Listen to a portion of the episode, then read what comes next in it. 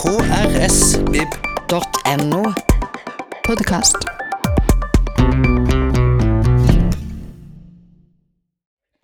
Velkommen til fredagslunsj, dere. Og som dere ser, så er nå programmet kommet ut. Noen husker nikkerne med Henrik Sjele. Tekstene skrev dagens fredagslunsjgjest sammen med Klaus Hagerup. Tramteatret har vi han fra. Tekstforfatter i Hallo i uken. Mannen bak mytekalenderen, dere. Hvem hørte ikke på P2 i 2005-2006, og som ble og videre. Altså, Jeg husker bare at når den ble tatt av, så var ikke bare jeg harnisk. Det går ikke an å fjerne mytekalenderen. Og han har bl.a. oversatt eh, Platons verk 'Sokrates forsvarstale'. Ta godt imot Terje Nordby.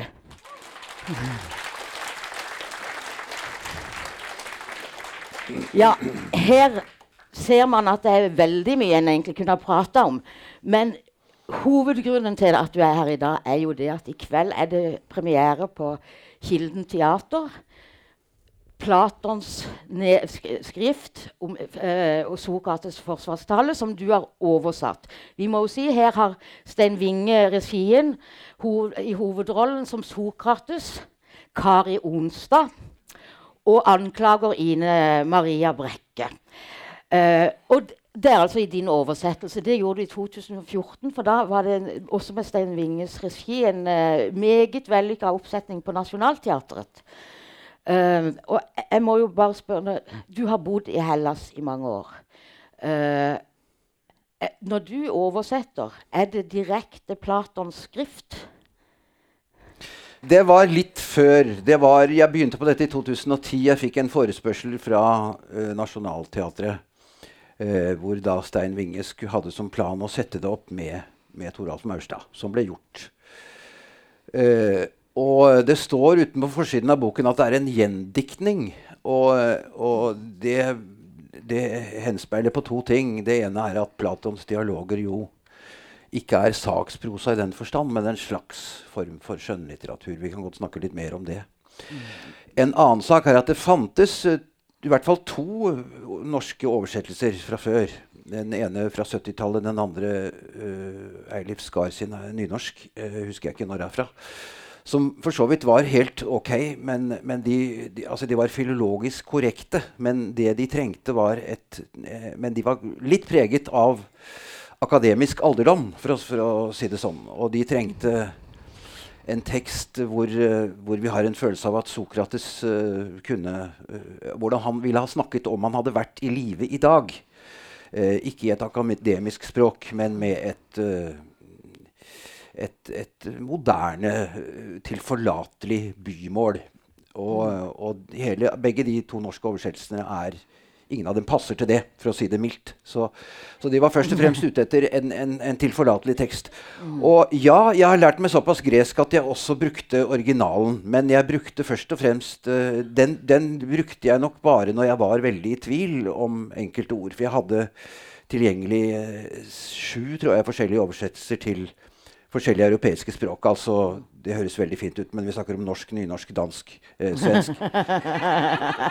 du skulle ikke ha nevnt det Eng der. engelsk, engelsk og italiensk er det eneste jeg kan skilte med som, jeg, som ikke er helt vanlig å kunne. Men, men, mm. men i hvert fall så, så, var det mange forskjellige oversettelser gjort i forskjellige tider, så det var mulig å sammenligne. Hmm Største jobben er å få det på det, på, på det altså Du kan si det teaterspråket det er blitt til. For det er en uh, Sokrates skal transformeres fra en, en, uh, noe han var, en slags uh, byoriginal i uh, noen hundre år før Kristus, til en, en tilforlatelig byoriginal i dag. Uten at Vi skal, vi skal ikke forflytte skikkelsen, men altså språket skal, mm. skal Du skal ikke tenke over språket. Det er mm. målet. Men, uh, kan du først her nå ta oss tilbake i tida Sokrates, Sokrates levde? For det virker som var en meget spesiell tidsånd. Mye som var i forandring. Ja, det var jo det. Altså Jeg kan jo ikke dra hele historien om den greske antikken, men, men, men Mer, mer, det, vi, vi, befinner oss i en bystat. Bystatene var relativt nye. Hele den greske kulturen eh, oppsto eh, altså Alt det vi forbinder med en moderne bykultur, oppsto der og da. På bakgrunn av forskjellige ting. På bakgrunn av et visst økonomisk overskudd. På bakgrunn av at grekerne hadde delvis eh, handelskontakt med en rekke andre eh, stater. Og delvis var de i krig med dem og sluttet fred. Og, og, og, det var en slags eh, det var nok en slags mingling, kryssing av forskjellige kulturer og et visst overskudd som gjorde at det ble utformet en egen bykultur. Vi kan, si det, vi kan si at grekerne fant jo opp vitenskapen. på en måte. De fant opp filosofien, de fant opp teatret. De fant opp vår moderne måte å forholde oss til politikk og kunst på. Den offentlige Sånn at eh, Ja, ingen har jo vært øyenvitneskildringer. Eh, Sokrates' samtidige Xenofon skriver at han gikk rundt på torvet. Og overalt der han var, så ble det samlet en mengde samlet seg en mengde folk rundt. Og de diskuterte, og de fulgte etter ham hvor han gikk. Mm. Uh, og uh, dette var nok et, et byliv som, uh, som var på en måte det første av denne typen byliv, hvor det var en aktiv type samhandling. Ikke bare handel på torvet, men også diskusjon på torvet. Og det, det blir sagt jeg, jeg tror bare lyst til å si en ting til slutt om det. At noen sier at uh, for oss så har vi det Så er det Det er i det privatlivet vi har frihet. Det er hjemme. Det er under dyna, det er sammen med familien, og det er på kjøkkenet. Mens det på en måte var omvendt for grekerne. Det var, I hvert fall for Sokrates. Det var ute på torvet han følte seg fri. Det var der han følte seg hjemme. Mens å komme hjem var litt sånn tvangstrøye. Det var liksom for å være innom for å gå ut igjen. Men det offentlige livet var en slags uh, Det var der ting foregikk. Og den offentlige diskursen ble nok funnet opp ja. samtidig. Men um, her må jeg jo bare spørre deg. Hadde, ikke, hadde, han kanskje andre grunner også til ikke ha så lyst til å gå hjem? Jeg tenker litt på kona. ja, altså det er, det er, en mengde anekdoter om Sokrates og Xantippe. Og ingen av dem har historisk belegg. Uh, Min favorittanekdote er denne, uh, som jo da skal fremheve at Sokrates var en veldig vidsynt mann. Det var at han hadde invitert til hennes forskrekkelse noen rike mennesker hjem. Og de hadde det jo ikke så fint, og de hadde jo ikke mat nok engang. Og hvordan skulle de Og han svarer da at uh, hvis de hvis de er ålreite folk, så bryr de seg ikke om det. Og hvis ikke de er det, så bryr ikke vi oss om dem. Og og det er et eller annet av denne typen anekdoter som, som jeg nok tror skal bygge opp under Sokrates fordomsfrihet. Eh, mm. Ellers vet vi historisk sett ingenting om hans familieliv. Veldig mye av det har blitt diktet opp mm. eh, i mm. ettertid. Så hun har kanskje fått et ufortjent ettermæle? Det vil jeg tro. Ja. Og hun er ikke alene om det blant kvinner som har levd ved siden av store menn. Ja. Uh, som bakgrunn så er det også litt viktig sånn, i filosofien at vi vi, de uh, gikk fra natur til menneske i sentrum. Uh, det, og det med at sofistene, som egentlig er litt viktig i forkant av hele den dommen mot Sokrates, så kan du si litt om sofistene? Ja, det er riktig at det gikk fra Naturfilosofien kan vi si begynte med Thales. Han var fra Milet, Miletos en øy eh, i da, det daværende eh, greske samfunnet. Eh, han gjorde seg bemerket ved å forutsi en solformørkelse. Og den skjedde akkurat på den dagen og den timen han hadde forutsett. Dette var av stor militær betydning, og han ble en berømthet. Og, og han spurte seg jo da Kom med noen tanker rundt hva alle ting Hva består alle ting av? Og hans han mente at alle ting i naturen måtte ha en eller annen innerste kjerne. Og han mente at det var vann. Dette er kjent skolestoff. Uh, det er ikke helt sikkert at han sa dette, men det er ikke så viktig nå. Han, han, spurte i hvert fall en del grunnleggende spørsmål og startet på en måte vitenskapen. Nå består jo ikke alt av vann, men, men, det er ikke så viktig. Det er spørsmålet til Thales som er, er viktig. Og dette utløste en, eh, en rekke eh, Altså en bevegelse rundt, rundt eh, spørsmål om naturvitenskap. Og så etter hvert, da bystatene ble et faktum, altså kanskje 100-150 år etter det igjen, så begynte disse filosofene, altså, som rett og slett betyr å elske kunnskap, de begynte å konsentrere seg mer om mennesket. Noe som var naturlig fordi at dette bylivet da oppsto. Og da ble det sånne enkle, eh, på en måte helt fundamentale spørsmål. Hva er meningen med livet? Hva, hvordan er det vi kan, vi kan, vi Når vi kommuniserer med hverandre, eh, snakker vi da samme språk? Eller mener du noe annet med det du eh, sier, enn det jeg tror du mener? Eh, hva er den riktige måten å leve i samforstand med andre på? Osv. Det vi ville kalle språkfilosofi, kanskje eksistensiell filosofi. Eller humanistisk filosofi, da. Eh, sofistene har nok også fått et litt sånn ufortjent dårlig rykte. De dro rundt og holdt eh, kurs mot, eh, mot, betaling. Utdannet folk mot betaling. Eh, og, og, veldig mye av det de utdannet folk i, var noe som de kunne lære seg fort, nemlig retorikk. Det å kunne overtale, det å kunne bruke forskjellige eh, ting i argumentasjon. Uh, så det er jo det som er blitt stående igjen, at de var en slags retorikkens mestere, og at de hadde et tanketomt innhold. Men det tror jeg ikke er riktig. Det er veldig lite skriftlig litteratur fra sofistene. Sokrates og hans elev Platon var nok ikke uh, sofister på noen måte, men de, er, de kommer i en etterbølge uh, av sofistene. De spurte de samme spørsmålene, men for Sokrates vedkommende da på en litt annen måte. Og han la jo veldig vekt på dette at det hjelper ikke hvor mye kunnskap du har, hvis ikke du har et personlig forhold til det, hvis ikke du kan bruke den, hvis ikke du samtidig stiller kritiske spørsmål og tilegner deg den riktige uh, måten å leve på. Mm. Uh, og når det gjelder Sokrates, så skriver du her det er et veldig fint etterord i denne boka, som anbefales varmt, altså. Um, at, det, det, at man egentlig ikke i ettertid vet så mye so, uh, om Sokrates. Men det er jo skrevet i en biografi av um, Diogenes, er det sånn du uttaler det? Men, men, og retorikeren uh, Athenais ja. Dere vet at jeg er litt god på, på å uttale navn og sånn. um, siterte han.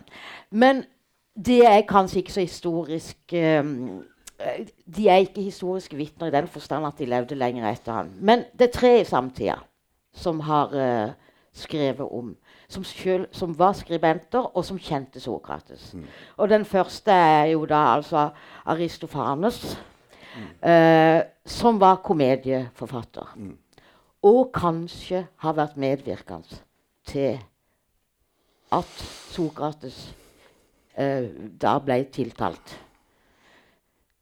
Gi ja, oss litt info. Ja, Aristofanes skrev en komedie som het 'Skyene'. Og det er en helt klar, uh, åpenbar, eksplisitt uh, angrep på Sokrates. Eller en parodi på Sokrates. Og den fabelen den er at to mennesker, far og sønn, kommer fra landet til denne vise mannen som de har hørt om. Og de rett og slett skal prøve å få ham til å gi dem økonomiske råd, for de trenger det, for de er i gjeld.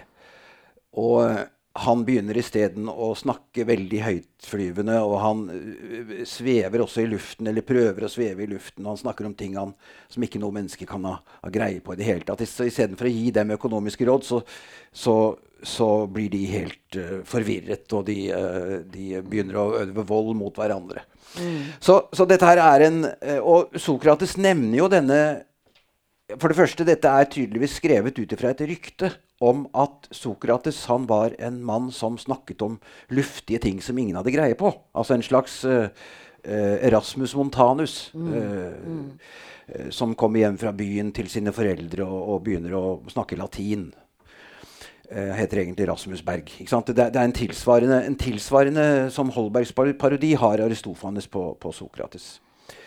Og og uh, han var en samtidig, og han var vel ikke en venn, men de kjente hverandre helt åpenbart.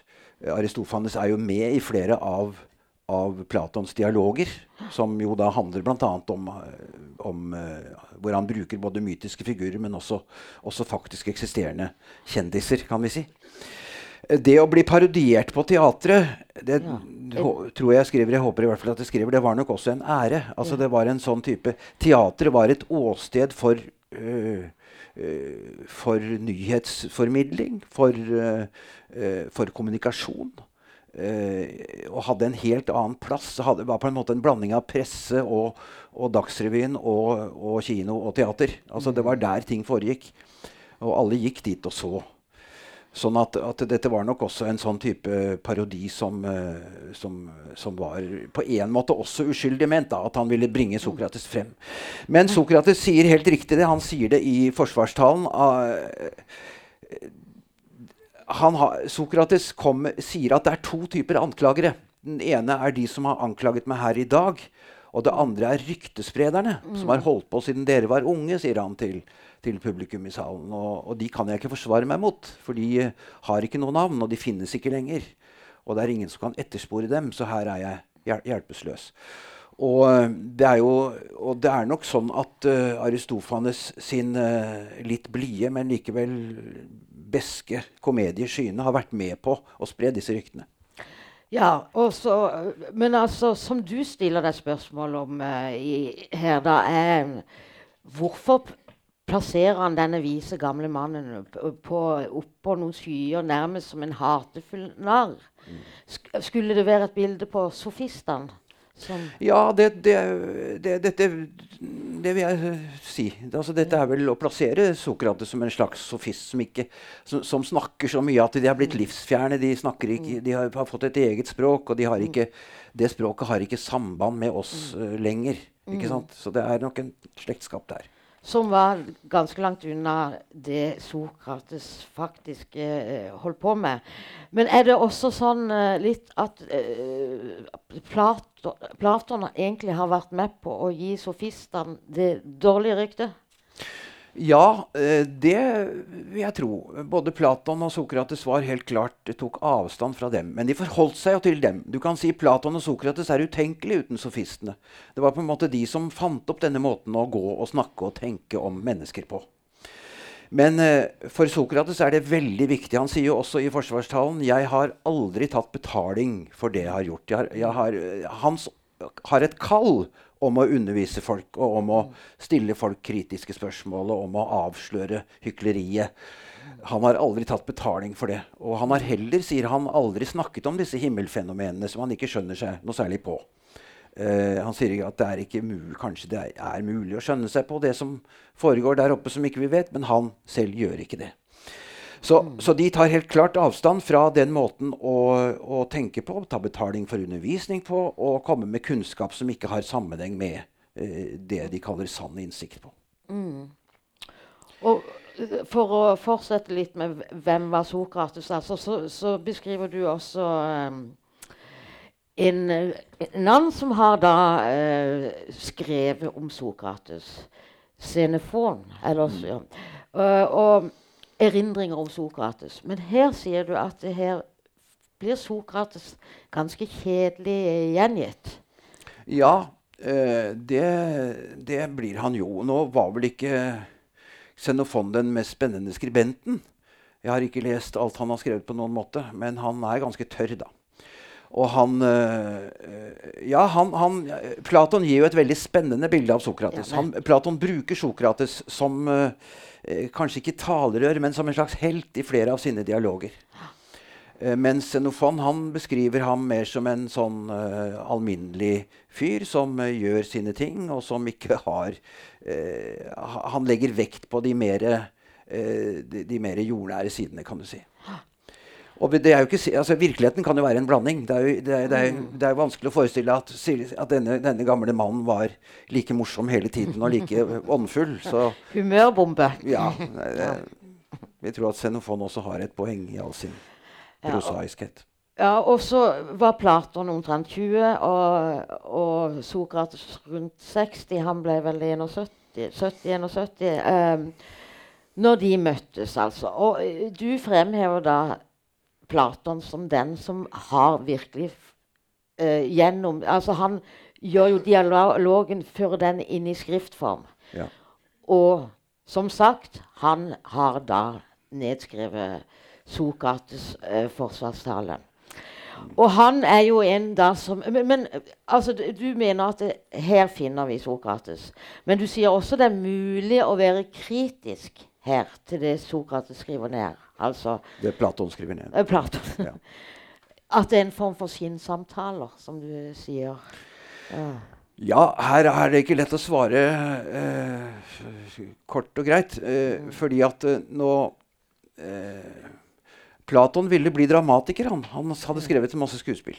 Og så treffer han Sokrates, og så brenner han skuespillene sine ifølge Jeg vet ikke om det er sant, men eh, det er nok indirekte sant. Så han, og så blir han filosof isteden. Og så blir han jo på en måte en slags dramatiker i filosofien, da. For det meste av det han skriver, er sånne dialoger hele tiden. Så også for øvrig er interessant i forhold til sofistene, som er et bevisst grep. Det fins ingen enkel sannhet. Det fins en argumentasjonsrekke hele tiden. Og det er gjennom dialogen at vi skal komme fram til sannheten. Ikke sant?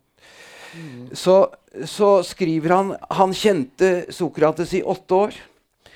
Eh, han var fullstendig lost, hengiven overfor Sokrates. Han elsket denne mannen. Og han eh, bruker han jo for det det er verdt. Han skriver jo ikke ned forsvarstalen med en gang. Eh, han flykter rett etterpå Platon. Eh, han kommer tilbake til Aten og skriver ned forsvarstalen 30 år senere. Etter hukommelsen, får vi tro. Etter notater, vil jeg tro. Og, eh, og det er jo ikke noe rettsreferat, og det er heller ikke noe objektivt eh, referat. Eh, men jeg tror samtidig at han, Platon er en intellektuelt veldig redelig og etterrettelig fyr. Og jeg tror i det lengste at veldig mye av dette stemmer med virkeligheten. Han kan ha utelatt en del ting, eh, vil jeg tro. Eh, og et annet faktum er at eh, eh, man kan innvende at Platon hadde enorm sympati for Sokrates. Men Aten var også et samfunn der andre eh, skribenter eh, kunne kommet og, og rettet på Platon og sagt at det stemmer ikke. Men det, det fins jo ikke i historien. Så langt på vei må vi tro at uh, forsvarstalen er ganske i, i tråd med virkeligheten. Eller utdrag av det, det utdraget. Og det utdraget dere får se i kveld, eller dere som skal på teatret, er igjen et utdrag fra, fra forsvarstalen. Men at det utdraget er ganske autentisk, det tror jeg det er liten tvil om. Ja, og Hvis vi da går til selve forsvarssalen, så er det jo Det tankegodset man finner her, det er jo en altså veldig moderne. uh, utrolig å se det sånn. Og det kan man jo se midt oppi sånn fake news. Sosiale medier som tar av der alle eier en slags sannhet. Så står Sokrates der med sin sannhetssøkning som uh, det viktige. Han er en moderne filosof, rett og slett. Ja, eh, det er jeg glad for at du sier. Jeg, jeg tror at Sokrates er den første i vår kulturhistorie eh, eh, som, hvor vi finner denne konflikten mellom egen samvittighet og det autoritetene bestemmer er riktig. Det Han går i døden for han sier at det er noe inni meg, guden eller demonen eller den indre stemme, kall det hva du vil, som sier at jeg må gjøre det jeg er blitt satt til å gjøre, og jeg kan ikke unngå dette. Og denne formen for, for uh, ja, du kan si oppofrelse, eller denne formen for opprør i seg selv, altså denne den kritiske tenkningen, da, den blir født med Sokrates. Jesus er utenkelig uten Sokrates. Det, er den, det, er den, samme konflikten på en, på en, i en annen uh, mytologisk setting. Uh, disse helgenene på 1200-1300-1400-tallet som har visjoner, og som paven etter hvert må godkjenne, det er, en, det, er en, det, er en, det er, på en måte en videreføring. Det er ikke den ytre autoriteten, den ytre religionen, kirken, men det er mine opplevelser av dette som stemmer. Nå er det ikke alle opplevelser til enhver tid som stemmer. Så, så, men, men her er det at man tør å bryte med en autoritet fordi man er overbevist om noe annet mm. og vinner frem på en eller annen måte. Mm. Både Sokrates og Jesus dør, men deres tanker vinner frem. Og det er klart at eh, Sånn sett så blir, blir, det, blir, denne forsvarstalen og de konfliktene i den de blir klassiske. For dette er, vår, har, dette er blitt en del av vår humanistiske arv. det. Ja. Og, og, og, derfor så, er, så, så, lenge det finnes undertrykkere og, og eh, konflikter, klassekonflikter, rasekonflikter, imperialisme i verden, så, så finnes jo denne konflikten her. Ja, og så er- da kan jeg bare sitere en, Som du skriver, altså at det er en grunnfortelling tross den sosiale orden. Uh, når den ikke er i pakt med guddommen, sannheten, eh, og går i døden. altså, ja, Som i likhet med Jesus, som du siterer. Men eh, la oss først slå fast hva anklagen egentlig var mot Sokrates. Ja. La oss det. Det var altså for det første å ikke adlyde gudene. Eller statens guder. Eh, det var å forderve ungdommen. Forderve den, den unge generasjonen. Og så var det ett til. Hva var det, da? Innføre nye Ny, innføre nye. Ja, det var delvis et ledd i det første. Ikke, a- ikke adlyde gudene, men innføre nye demoniske makter. Og så, Det, det var det ene, og så var det det å, å forderve ungdommen. var det andre. Um, hva lå det i dette, altså? altså eh, var det liksom den virkelige grunnen til at han ble dødsdømt? Eh, I en stat sånn med, som var den første med ytringsfrihet. Unnskyld, hva sa du? Eh, det var den første stat med virkelig fri Ja. ytringsfrihet. Ja da. Eh, og så Ja, det, jeg skal si litt om det for å svare på det. Det, det, det, var det. Helt klart. Og det var, det var de første eksperimenter med demokratiet overhodet. Demokratiet ble jo funnet opp der og, der og da, det nær sagt, eller noen år før. Demokratiet i Hellas var ikke en sånn type parlamentarisk demokrati som vi forbinder med dagens folkestyre. Men det var et demokrati i en viss forstand. En viss prosent eh, At det ikke var sånn som i dag, eh, har bl.a. å gjøre med at flertallet i, i, eh, i Aten var slaver. Eh, den aller største delen av befolkningen var slaver. De hadde ikke rettigheter eh, i den forstand. Kvinnene hadde heller ikke noen, noen, noen stemmerett. Og, men en del, eh, de fleste borgere hadde det. Litt uklart hvor mye eiendom og sånn de måtte ha. Noen, eh, men, men i hvert fall, det koker ned til at si, mellom 10 og 15% av befolkningen hadde en slags innflytelsesrett i staten. Um, I forhold til lovvedtak og i en, i en viss form for representasjon. Eh, bare så vi har det klart. Demokratiet kan ikke sammenlignes med med det moderne demokratiet, men, men det var et, en form for demokrati. Det het demokrati.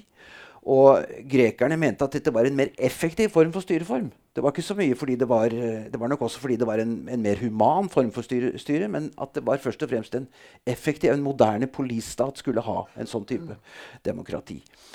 Eh, ikke så lenge før Sokrates' eh, famøse dødsdom i år 399 så hadde det vært to forsøk på statskupp, eller to statskupp i Aten. Eh, hvor eh, hvor eh, demokrati da midlertidig ble satt til side. Sånn at det, var en konflikt gående hele tiden. Det var krigsfare, det var borgerkrigsfare. Eh, de styrende bevegde seg på et veldig tynt grunnlag, kan man si.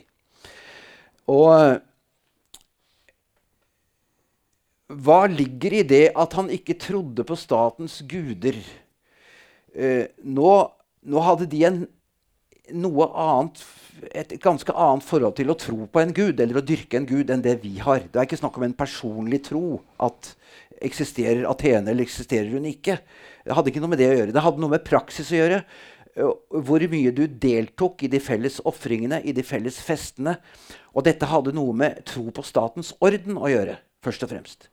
Så Sokrates ble nok mer anklaget fordi at han ikke respekterte ideologien som lå bak den greske rettsstaten.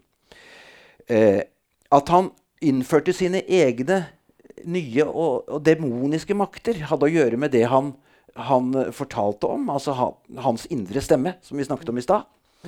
Eh, som han forbandt med guden Apollon, som, holdt til i, eller som hadde sitt tempel i Delfi. Der oraklet ligger, der alle eh, der sta, representanter for staten kom og, og ba om råd i vanskelige anledninger osv. Eh, og dette var nok også en form for en slags blasfemi i forhold til, til hva, hva, hva, hva, man skulle kunne gjøre. Men det er underlig, for det var stor grad av ytringsfrihet og religionsfrihet i Hellas. ikke sant? Mm. Vi finner tilhengere av forskjellige typer mysteriereligioner side ved side. Det er veldig sjelden de tørner sammen. Uh, et annet veldig besynderlig faktum Dette er en parentes, jeg skal komme tilbake til det du spurte om. Det er at vi finner jo sjelden noen så eh, I Hellas finner de opp matematikken, vitenskapen, det jeg snakket om i stad. Den eksakte tenkningen. Det å måle, det å finne ut når er en solformørkelse. Altså hele den her, Hvordan å bygge samfunnet, hvordan å måle og veie korrekt. Samtidig er de så religiøse, så mystiske og tror på så mye rart at, at, at, dette kan leve side om side, er veldig vanskelig for oss å forstå. Som har levd med et skisma mellom religion på den ene siden og vitenskapen på den andre, som har krevd hvert sitt sannhetsmonopol og, og, og dundret sammen i en voldsom konflikt. Fins ikke det problemet i Hellas. Det er, det er, en, det er, det er på en måte ja, det er en slags åpen nysgjerrighet overfor alt som eksisterer. Så Derfor er det dobbelt vanskelig å forstå at han skulle bli dømt for en eller annen slags form for blasfemi. Trolig er det en mangel på respekt for statens lover og statens orden. Fordervet ungdommen eh, Ja, han gikk jo rundt og, og, snakket hele tiden og fikk sine, sine, eh, sine følgere og sine elever. Eh, de eh, gjorde vel ikke direkte opprør. Det er ikke i hvert fall som jeg kjenner til. Men det var nok en generell angst. Eh, motstand mot regimet var ganske, var ganske eh, kraftig rundt en del av Sokrates' tilhengere, er det blitt sagt. Så der kan det ha vært en trussel. Eh, Sokrates opptro, eller hadde i lære bl.a. Kritias, som var demokrat, men som ble en av disse berømte 30 oligarkene altså som var en fiende av regimet. Det var en, en, elev av han som virkelig hadde blitt en sann antidemokrat. Uh, uh, det kunne være en uh, det, det, det, står ingenting om det i, i Platons forsvarstale. Men det, det, kan godt være en del sånne ting som ikke vi kjenner til, som er en av grunnene til at han ble sett på som farlig. Mm, mm. Men han har gått rundt der til han ble 70 år. Det er først da ja. de tar livet av ham. Så det er et underlig paradoks uansett. Ja, ja nettopp. Um, vet du det gjør du helt sikkert. Uh, for dette Sokrates velger å forsvare seg sjøl. Var det vanlig, et vanlig grep, eller er det, tilhører det sjeldenhetene i den tida? Eh, det, nei, det vet jeg faktisk ikke så mye om. Men, men det, det, virker som om det er uh, at, at, han Ja, du mener om han kan forsvare seg selv, men han hadde en advokat? Mm. Nei, det tror jeg nok at de forsvarte seg selv. Ja. Rettssystemet som vi kjenner det, ble fart i første i Roma. Altså ja, i Romerike Der har du hele, hele mm. aktoratet og mm. dette. Men, men jeg, jeg, vet ikke så mye om det. Men det er tydelig at det er en, en, en, en soleklar rett at man skal holde sin egen forsvarstale. Mm.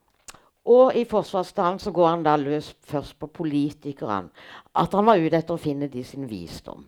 Eh, eh, ja. Som han ikke fant. ja, han er jo en snedig Altså Sokrates er jo en uh, Han er en retorisk kunstner han, uh, han er, uh, vi får stor sympati med ham. Samtidig er han veldig smart.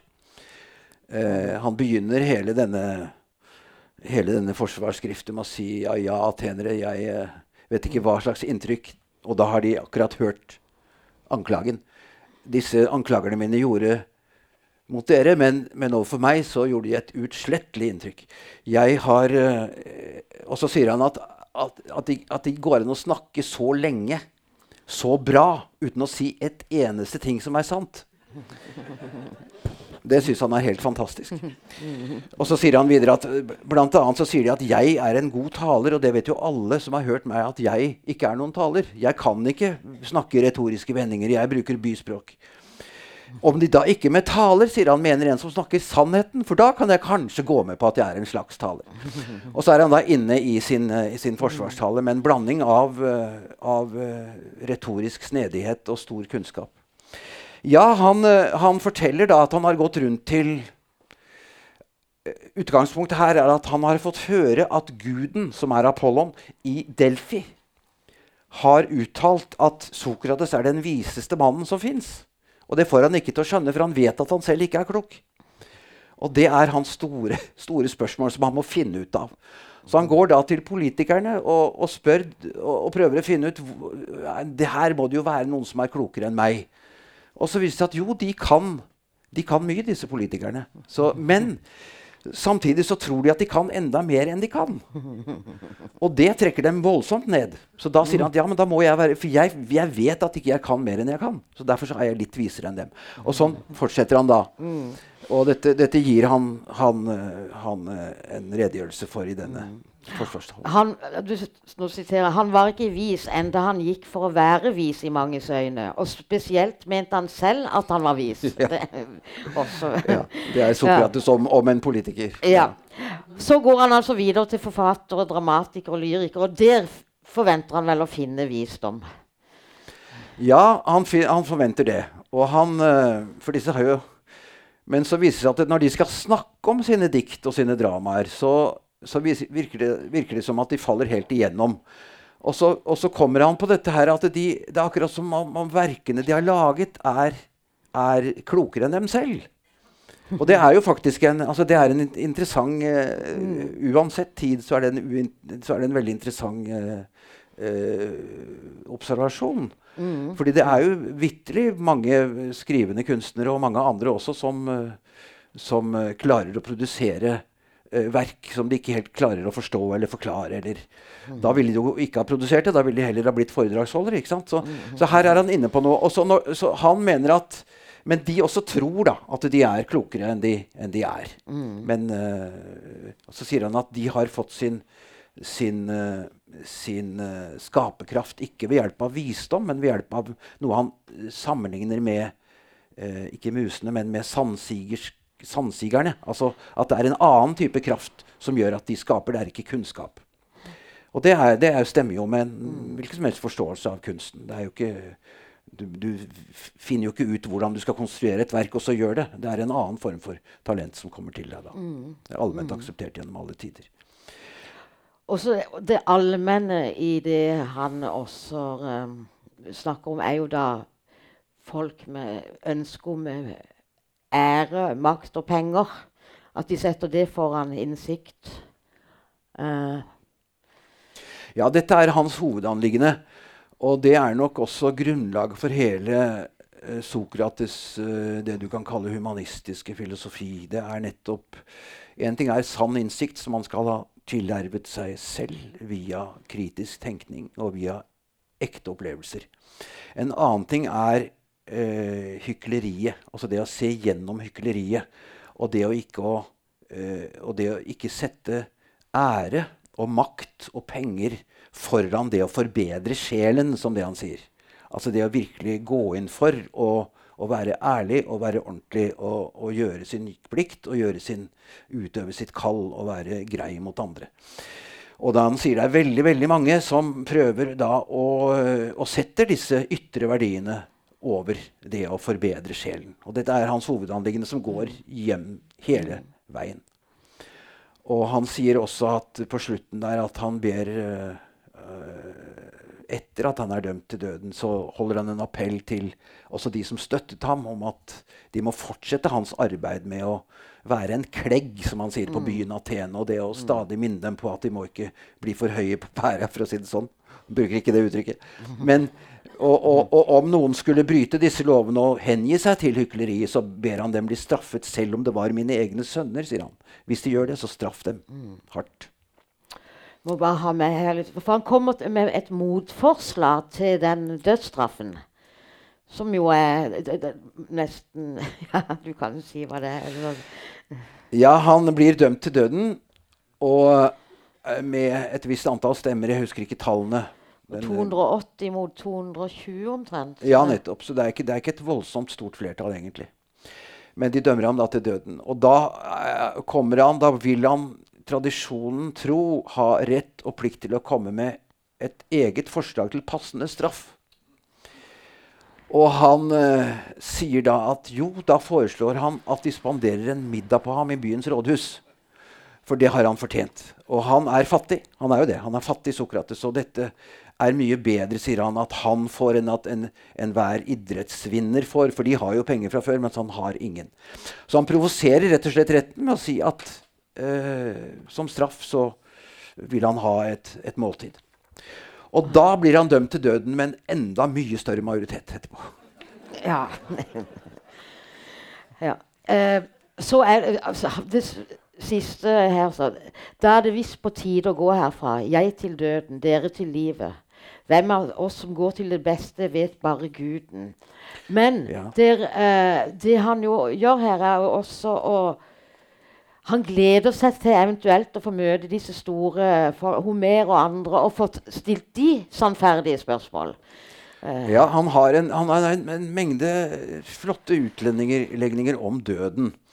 Og han sier at uh, veldig mange frykter døden. Og hvordan kan de, all verden kan de frykte døden? De, vi vet, aner jo ikke hva som skjer etter døden. Hvorfor skal vi frykte når vi ikke vet hva er? Og så kommer han med en slags utlegning hvor han sier at enten er døden en, en eneste lang søvn hvor vi ikke vi opplever noe som helst. Og, og, det er jo ikke noe som er så deilig som å sove lenge. Eh, det vet jo alle som har sovet lenge og ikke husker hva de har drømt. Og da får vi jo hvile fra alt. Så det syns han er fint. Eller så er det er det sånn som andre mener, at uh, etter døden så lever vi videre i en annen form, og der vil vi treffe igjen mange av de som, som, uh, som, uh, som vi kjente til, eller kjente i jordelivet.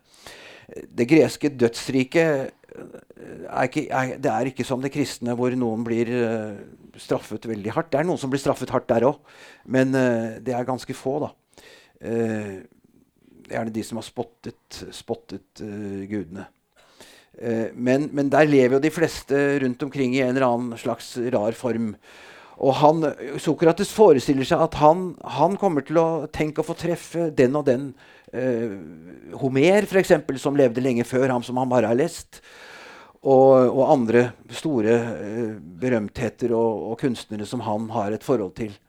Og han sier også at hva, hva, skal jeg gjøre da? Jo, jeg skal fortsette. Jeg skal spørre dem også. Jeg skal fortsette å gjøre, utøve det virket jeg har gjort på jorden. Og det ville være en fryd å få spørre Tomer hvordan han, han uh, forvalter sitt liv osv. Så, videre. så han, han, mener at døden, i, uansett i hvilken av disse to formene eh, det er, sannsynligvis vil være et gode, og frykter derfor ikke døden. Hmm. Eh, nå som mannfolks uka står for døra, uh, så må jeg jo bare eh, spørre nå, Jeg vet at du ikke har fått Du skal på premieren uh, nå i kveld. Uh, men sånn generelt, da Altså Kari Onstad. Da, kvinnelig Sokrates. Hva tenker du det kan tilføre denne historien? Det, det, det, vet jeg virkelig ikke. Men, men jeg, var, jeg, har vært uh, litt grann, uh, til stede på prøvene før jul. Uh, og, og, jeg syns det fungerer som en, en, veldig spennende Jeg kan ikke helt forklare det, men jeg syns det, det, virket veldig, veldig bra. Mm. Mm et teater er jo et teater uansett. Altså det, Sokrates er ikke til stede der. Er, han er til stede ved en slags representasjon. Og at det blir gjort av en uh, eldre, erfaren kvinne, syns jeg av en eller annen grunn jeg ikke kan forklare, var en spennende styrke. Mm. Mm. Så altså, du, uh, som vi sa, mytekalenderen på P2 Du har skrevet altså mytekalenderen fire, i fire utgaver, altså en for hver års, årstid. Mm. Disse har jeg lånt på biblioteket, men jeg skal levere det inn. for dette, her er det mye å bli klok av. Altså en myte for hver dag. I dag er det faktisk eh, Saratustra ah. som er myten. Uh, og 15. februar så er det myten om Sokrates, for det var da han fikk dødsdommen. Mm. Ja. Uh, kan jeg ta et lite sitat her? Uh, Rollo May kjenner du til ja, amerikansk psykolog og humanist. Som har skrevet myter og identitet. En myte er en måte å skape mening på i en meningsløs verden. Myter er et mønster i form av beretninger som gir vår, vårt liv betydning. Mytene er som bærebjelken i et hus. De er ikke synlige utenfra, men holder huset oppe slik at det er mulig for folk å bo der.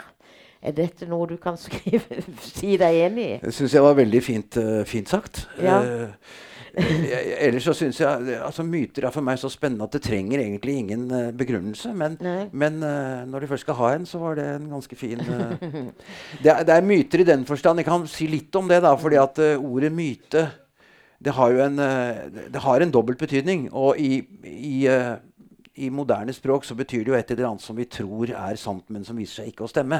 Altså myten om ja, hva det nå skal være at fotballandslaget ikke kunne vinne en kamp før Egil Drillo Olsen kom og viste at han kunne det. Eller myten om at kvinnen må være lenket til kjøkken. Altså, det, myter brukt i den forstand. Eh, og, og, mens myter i mer faglig forstand er Mytos betyr rett og slett bare fortelling. Så det er grunnfortellingene i kulturen. Det er, det er de som, eh, som, lever videre etter at religionen som handler om dem, er død. Eller de som oppstår og blir, blir, blir til Går inn i språk eller går inn i fortellingenes verden. Så eh, bare for å, Men nå, nå, husker jeg ikke om jeg bare tok ordet, eller om du spurte om noe? Nei, eh, det, jeg syns det iallfall fungerte veldig fint. Okay. Um, men er det, er det et skille mellom klassiske myter og moderne myter? altså? Du, hvis du forstår hva jeg mener. Altså, for du, du kan myten Watergate, drapet på Kennedy, kontra disse el, eldre mytene. Det er nok myter, ja. Eh, hvis, man, hvis, man, ser på deler av, av Gilgamesh mm. uh, uh, Som handler om et uhyre Humbaba som uh, ja, Jeg kan ikke dra hele den. Men altså, det er deler av Gilgamesh som minner veldig om den første James Bond-filmen. Eh, sånn at eh, det, det, det, som er eh, saken, er at, at, enkelte myter er spennende historier som er bygget opp på en spesiell måte, som vi mennesker har behov for å fortelle. Og de går igjen med forskjellige variasjoner. Så, så det er én dimensjon ved det. En annen sak er at det er jo eh, Noen myter fra klassisk tid forteller vi om og om igjen. Mm. Eh, eh de har gått inn i språket uten at vi engang vet det eh, guden Pan hadde, eh, var født med geitehorn og, og skremte vettet av eh, moren, så hun stakk av ved synet. Han ble en skogs, skogens gud som på en måte forvalter den der trygge, stille naturfreden. Men, men hvis han ble vekket i ettermiddagssøvnen sin, så satte han i et hyl som gjorde at den som, den som vekket ham, sprang vekk i vill skrekk. Og fortsatt kaller vi dette for panikk. Eh, og det, det, er en mengde sånne type, type eh, enkle, korte språklige referanser som tilsier at vi har på en måte Vi forteller disse mytene enten, eh, selv om ikke vi vet at vi forteller dem. Og noen av de kjente greske, Ikaros som faller fordi han flyr for nær solen osv., de, er, de er veldig kjente. Andre er ikke så kjente. De kjente de overlever i kraft av at vi trenger dem, tror jeg. Mm. Så blir det nye myter til. Eh, myter i denne forstand. Eh, Dr. Jekyll and Mr. Hyde, for eksempel, altså som, om, som, er fra engelsk gotisk røssellitteratur på 1800-tallet. Som er gått inn i en slags uh, Fordi de, de, stemmer med den uh, kanskje moderne Kanskje ikke så moderne heller, men oppfatningen om at vi kanskje har en tendens til å være to mennesker. Mørke, en mørkedel og en som vi må leve uh, ytre med. Titanic, Skipet Titanic gikk ned i april 1912. Uh, det er jo ikke en myte, det er en faktisk historie. Men vi forteller om dette skipet eh, på en pussig måte. Vi forteller f.eks. For at orkesteret satt på dekk og spilte 'Nærmere deg, min Gud'. Det er ikke sant. Det vitnet som fortalte det, var, det var ett vitne som fortalte det, og hun var ikke edru da hun ble intervjuet. Vi forteller også eh, vi forteller også at dette skipet ble ansett som, som, ikke kunne synke. Det er heller ikke sant. Det var, en, det var noen som fant på etter at det hadde sunket. Sånn at eh, det, det, det, er en historie om verdens uh, første eller største passasjerskip. Dets jomfrutur med masse mennesker på første klasse som skulle liksom ha sitt livs opplevelse, og en del på tredje klasse som var blant de første som uh, forsvant i bølgene. Altså det, er, det, er, en veldig sterk historie i seg selv som sier noe om uh, litt sånn moderne hybris. Altså Vi tror vi kan gjøre oss til guder, og vi lager et skip som kan seile hvor som helst, og så går det og så støter de mot et isfjell på første turen. Så det er en veldig sterk historie i seg selv. Og så blir de da fortalt med noen krydderier som stemmer med andre myter. Mm. Mm. Orkesteret var så Så det er, det er mange sånne, sikkert mange sånne små tilfeldige ting som har kommet frem i eh, intervjuer om Titanic. Men de som eh, passer inn i myten, de blir trukket ut og blir en del av historien. Så, så nye og myten om Watergate kanskje altså Vi vet ikke før det får gått en stund at dette er blitt en myte. Vi må se hvordan det har gått inn i språket og kulturen. Men, men at de blir skapt, er helt sikkert. I tillegg til de gamle.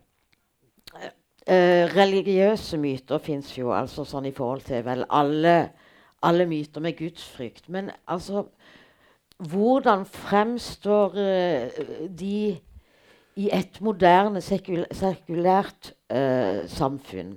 Har de en like god plass fremdeles? Ja, eh, de har nok det. Altså, jeg tror, altså, de, de, lever mye gjennom litteratur. Vi leser jo vi leser romaner, vi ser på TV-serier.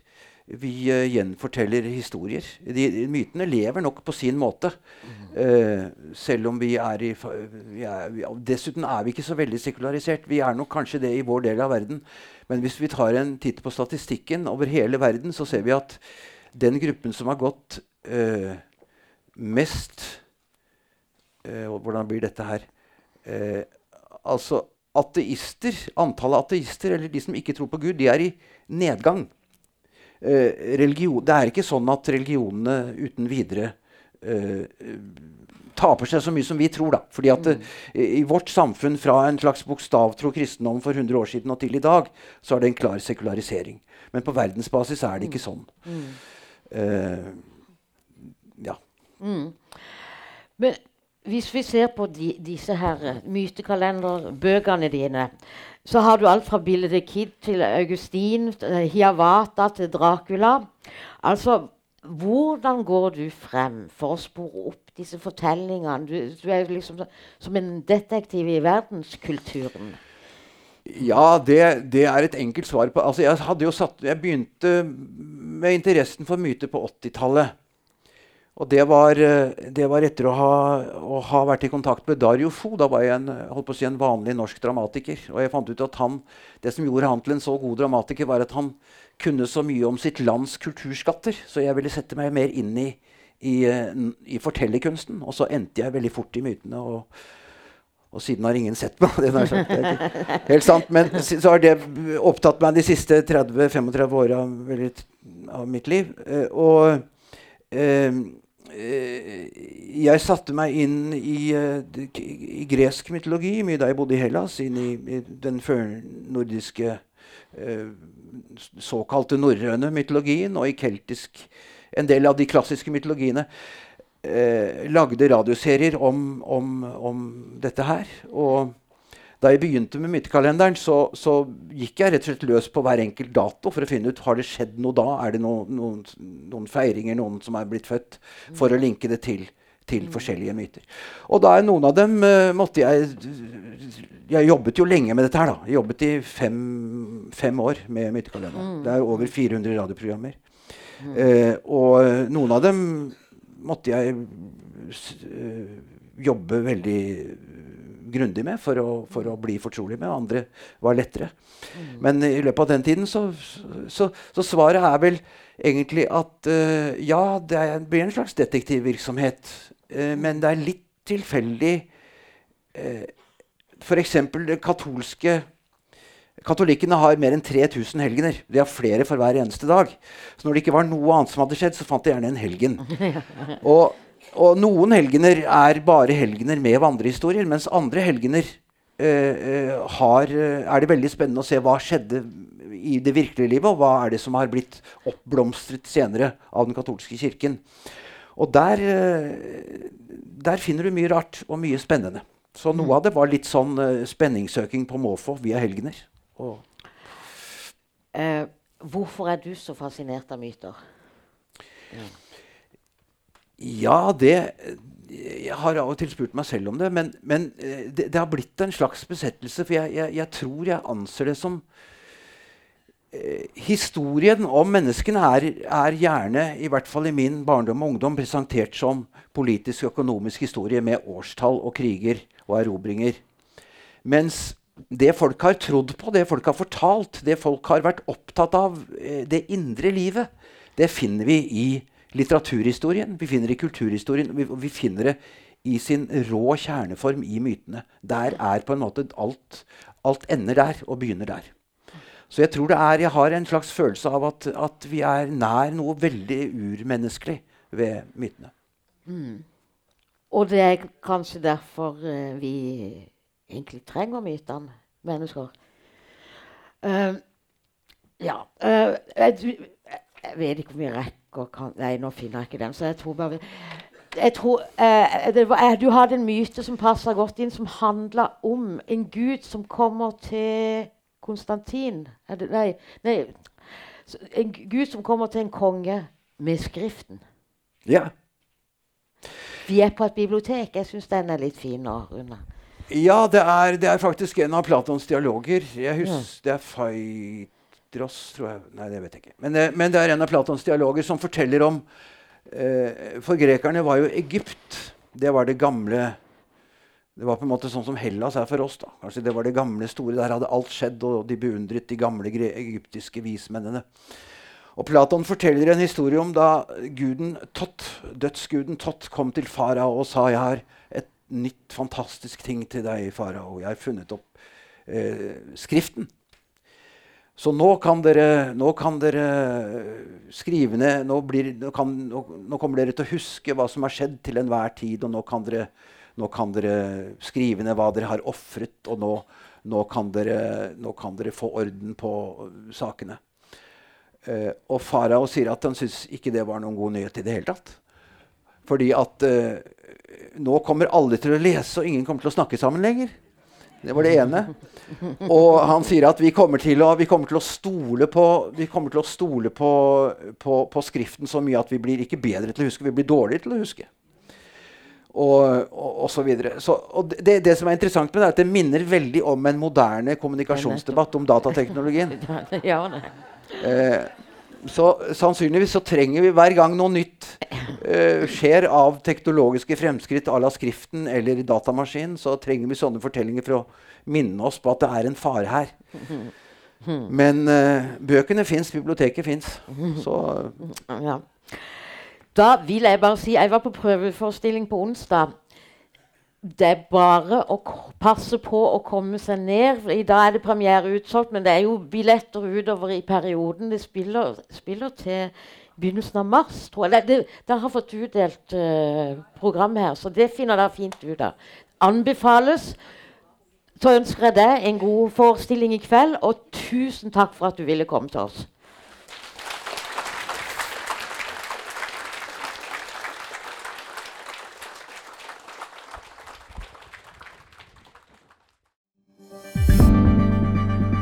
Flere podkaster fra oss finner du på Google Podkast, Apple Podkast eller iTunes, eller ved å stikke innom vår hjemmeside på krsbib.no.